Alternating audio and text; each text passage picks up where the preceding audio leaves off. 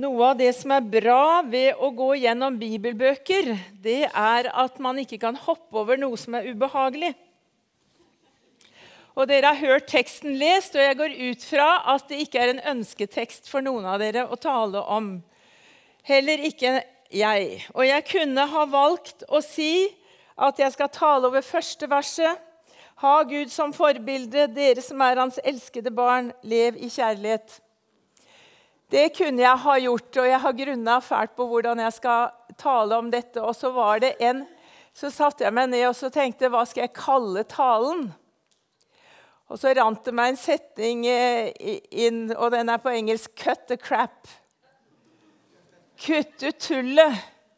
Gå inn i teksten og se hva den har å si. Hva slags budskap er det?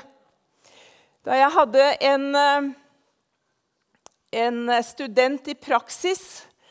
Eh, når jeg jobba som sykepleier, så hadde vi en pause, og da snakket vi litt om 'hvem er du, og hvem er jeg'? Og så fant hun ut at ikke, ikke drikke alkohol, ikke røyke, ikke feste. Hva har du for moro da, sa eh, Jeg går på møter. Men denne teksten her er en av de tekstene og et av de orda som har gjort det trangt, som har skapt frykt, og som har gjort oss isolerte i oss sjøl og i verden. Samtidig som det har vært til hjelp for mange med å verne seg mot mørkets makt og mørkets gjerninger. Og denne teksten her, den kommer altså i, i femte kapittel i, ditt, i Efeserbrevet, i de tre første versene eller kapitlene, så pøser Gud på, eller Paulus pøser på med hva Gud har gjort gjennom Jesus for at vi skulle bli frelst og fri og et evig liv og ha det livet som ungene her sang om. Han pøser på at vi er frelst av nåde, ikke av gjerninger. Det er ikke av dere selv for at ingen skal rose seg. Det er overskriften i Efeserbrevet. Og Noe av det jeg kommer til å si, er ikke sikkert jeg er enig i, men jeg uttaler ut fra sånn som jeg forstår det.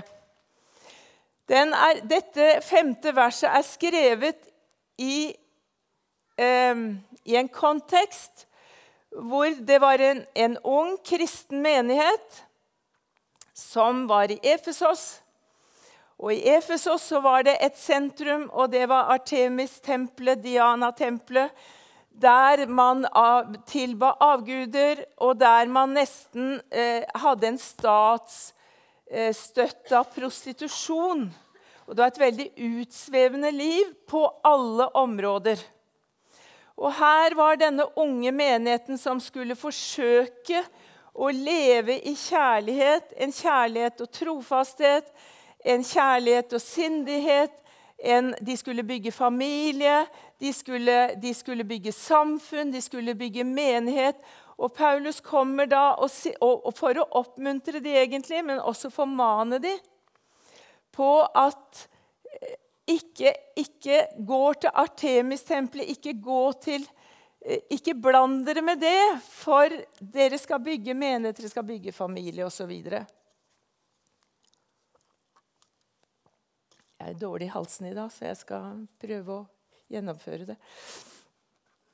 Og da snakkes det om eh, alkohol, om eh, sex, om grådighet om underordning.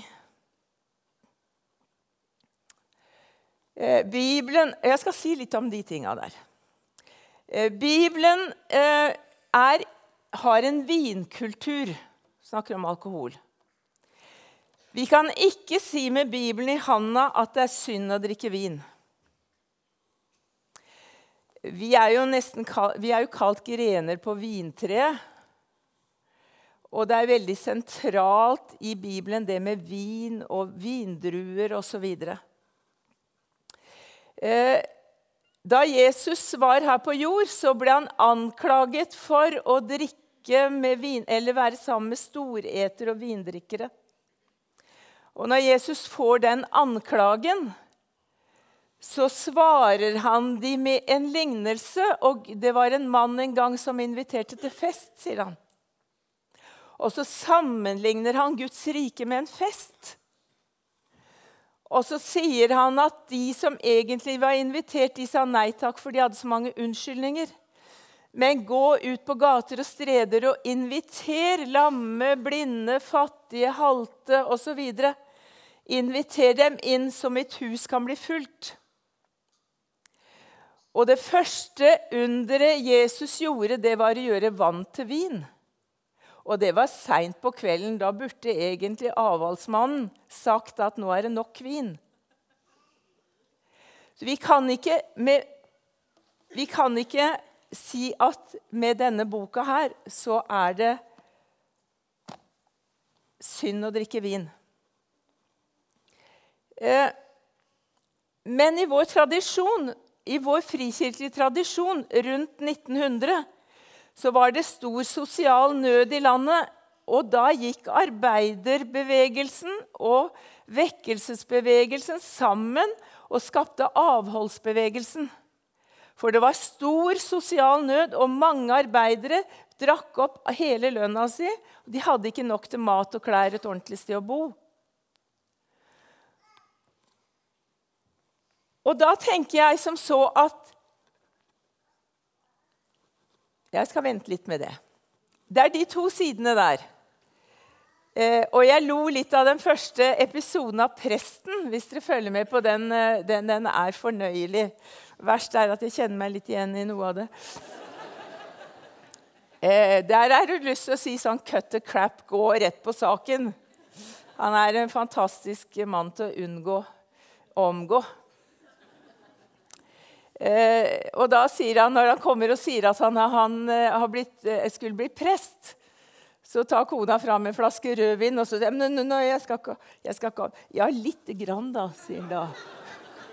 Og den kjenner jeg meg veldig igjen i. lite grann, da. Ja. Det andre er med seksualitet og hor og utsvevende seksualt liv. Sex er en gave fra Gud, og uten seksualitet så hadde jo ikke vi sittet her. Ingen av oss. Eh, men det er også en veldig sterk kraft. Og det er Når du har sex, så er det ikke bare to kropper som møtes. Det er sjelene våre, det er personligheten vår. Vi blir bekreftet eller avkreftet. Vi, vi gir noe, og vi mottar noe. Og Derfor så sier Bibelen at seksualitet er ikke løsrevet fra, løsrevet fra kjærligheten.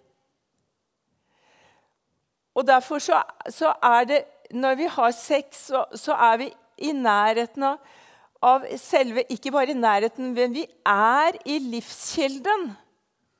Det som skaper nytt liv. Og derfor så sier, sier Bibelen noe om at det er hellig. Det er, det er noe som som hører intimitet og trofasthet til. Det er ikke lett i dag, vet det. Men eh, manus på alle TV-serier og filmer hadde vært helt annerledes hvis de hadde fulgt eh, Efeserne 5. Det er helt sikkert. Eh, og jeg vil si til dere unge, vær glad for kreftene og hormonene som er i dere. Men tenk også at det er en gave som dere har fått, som skal forvaltes og at dere skal eh, be Gud om hjelp til å forvalte det på rett måte. Det er interessant at det står også om grådighet på samme, på, i samme linje. Og så er det det med underdaning. Det står det at eh, Du slutta med å si at eh, kvinnen skal være mannen underdanig i alt. Var det det? Hun skal ha respekt for sin mann. Ja.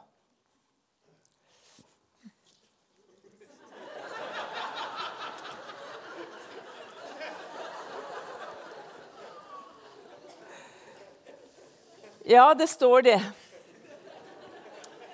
Og det har blitt brukt til å undertrykke mange kvinner. Det har blitt brukt på mange områder, ikke bare i ekteskap, men i lederskap og i eh, presidentskap og i hva som helst.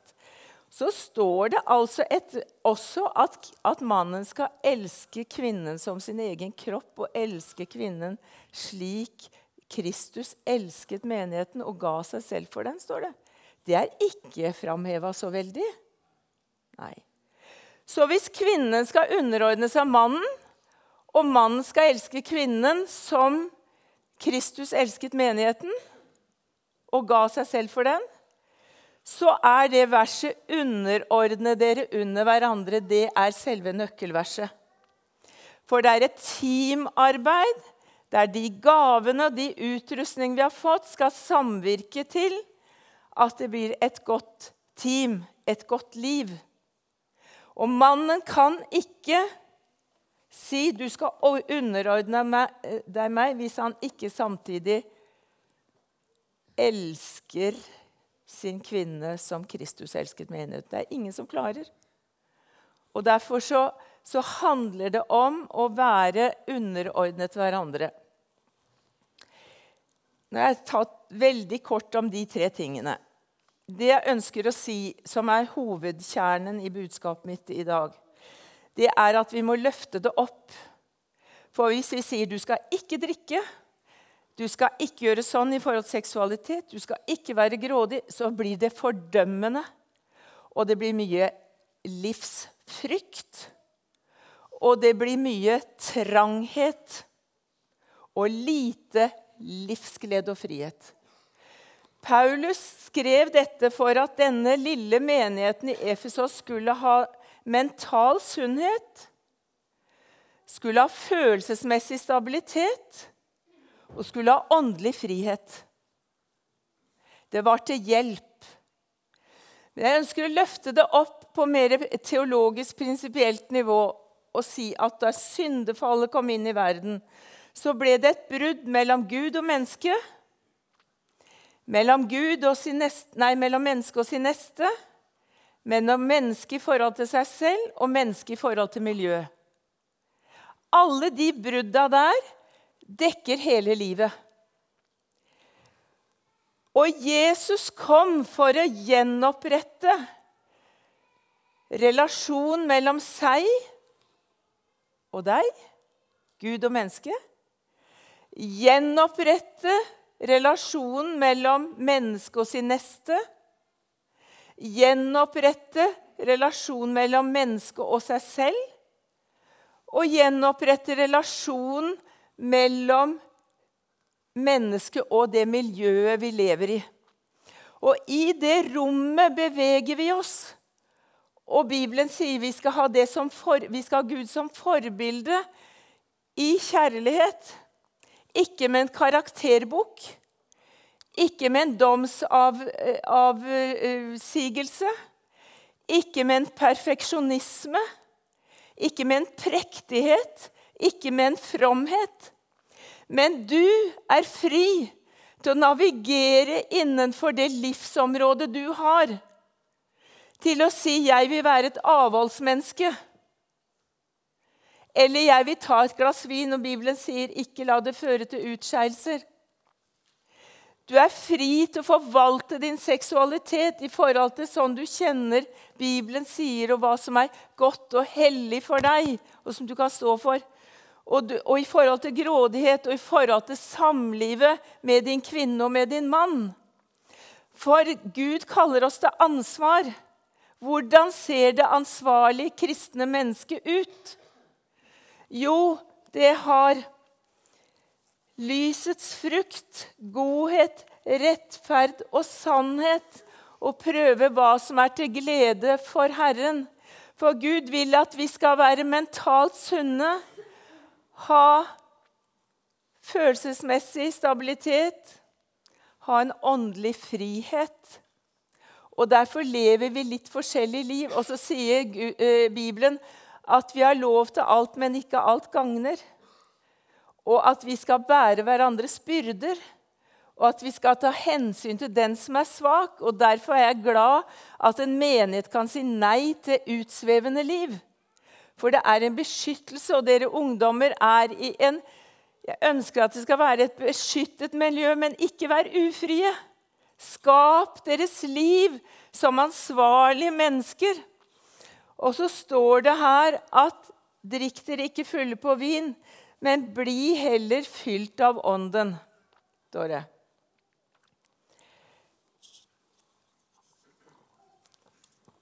Og Derfor er ikke dette brevet bare en sånn 'du skal ikke det, du skal ikke det, du skal ikke det'. Men Gud har gitt oss sin ånd.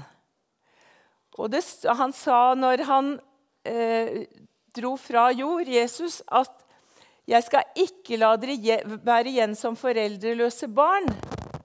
Jeg kommer til dere. Og så sendte han sin ånd, og hver den som har, sier at jeg holder korsets budskap sant for mitt liv, at Jesus er død for mine synder og oppstått for min rettferdighet, det mennesket har fått del i Den hellige ånd. Og så står det at vi kan la oss fylle. Og her står det sånn at ved å synge salmer, åndelige sanger, salmer og hymner Syng og spill av hjertet for Herren. Det gjorde dere i stad, eh, Connect-bandet. Det var så fint å høre. Men det er ikke sikkert det er din vei i forhold til å få connection med Gud, å få kontakt med Gud. Kanskje du har en annen måte der du kjenner Gud, jeg trenger å få mer lys over mitt liv. Jeg trenger å få hjelp til mine svakheter. Jeg trenger å få styrke. Jeg trenger å kjenne at jeg er elsket. Av, jeg trenger å kjenne at av nåde er jeg frelst ved tro. Og da kan du finne din måte, enten det er ved sang eller ute i naturen, eller lese Bibelen, eller sitte stille. Men det krever litt fokus, folkens. I, I, USA så er det et uh, bibelvers eh, Nei, ikke et bibelvers, et ordtak som heter uh, Annie, Any dead old fish can float downstreams. En hvilket som helst død fisk kan flyte nedover elven. Og for å holde verdier oppe, holde ansvarsfullt liv oppe og holde livskraften ved like, så kreves det noen ganger motstrømsliv for å trene musklene. Både de åndelige og de moralske. Og det er ikke snakk om perfekte liv, folkens. Vi, vi, vi, speiler våre liv i dette kapittelet og sier, 'Gud, vær meg synder nådig.' Og ingen kan si seg unntatt fra synder. Alle har syndet og uten ære fra Gud, står det. Men alle er medregnet i Guds nåde. Alle er medregnet i Guds nåde. Og så er det den blandingen at OK, da. Hvis du ikke er helt avhold, så ha et ansvarlig forbrukssted og gled deg over at du tåler det. Og hvis du er avhold, så gled deg over at du kan si nei uten at du behøver å, å, å fordømme andre. Og Det samme er med grådighet og alt det andre. Og finn ditt liv og lev frimodig med den kraften som Gud gir. For det er snakk om at Guds rike sammenlignes med både en fest og at han tar sauen på skuldra og hjem og steller med den. Og så er det snakk om en ny start. Jeg vet ikke hvordan du er i ditt liv. Om du har blitt sløv. Våkn opp, du som sover, står det. Stå opp fra de døde, og Kristus skal lyse for deg. Og da lyser han med kjærlighet. Da lyser han ikke med dom. Da sier han, du må rette opp i dette. Du må ta tak i det igjen. Eller dette er greit. Men det er du og Gud som må gjøre det. Det er ikke en menighet som skal stå og si ut fra dette så skal dere leve sånn. Det går ikke, det er ikke slitesterkt, fordi at Guds ord er levende, og det treffer oss på, må på ulike måter. Av nåde er dere frelst ved tro. Det er ikke av dere selv for at ingen skal rose seg. Men det er Guds nåde, Guds gave så oppfordrer jeg til å glede deg over livet, glede deg over livskreftene, over ressursene, over, over, fellesskapet, over Bibelen, over en menighet som Hvor ellers kan vi snakke om sånne ting, da, folkens? Hæ? Nei. Og her, vet du, det er beste, Å være en menighet er det beste stedet et gammelt menneske kan være. Der holder vi oss unge, for der har vi kontakt med ungdom. Der har vi kontakt med barn, der har vi kontakt med midt i livet-folk. Og der får vi lov til å blomstre og trive og kjenne på pulsen hvordan livet i samfunnet er, hvordan livet i generasjonen er. Det er så bra, vet du. Det er så bra. Og du, nå skal vi dele nattvær. Og det kan godt hende at du aldri liksom har tenkt at du er verdig det. eller jeg vet ikke hvordan du tenker, Men det, er, det kan være første steg i et vitnesbyrd for deg selv og Gud. At ja, jeg tilhører den Gud som er så nådig, og som vet om mitt liv. Og jeg vil dele fellesskapet med ham og med mine søsken ved å ta nattvær. Så la det også være din bekjennelse. Alle er inkludert, alle er medregnet. Herre, vi takker deg for ditt ord. Takk at det ransaker oss. Takk at det utfordrer oss. Takk at det trøster oss. Takk at summen av ditt ord er sannhet. Og vi ber om at din ånd skal tale til oss sånn som det er til gavn for hver enkelt. I Jesu navn. Amen.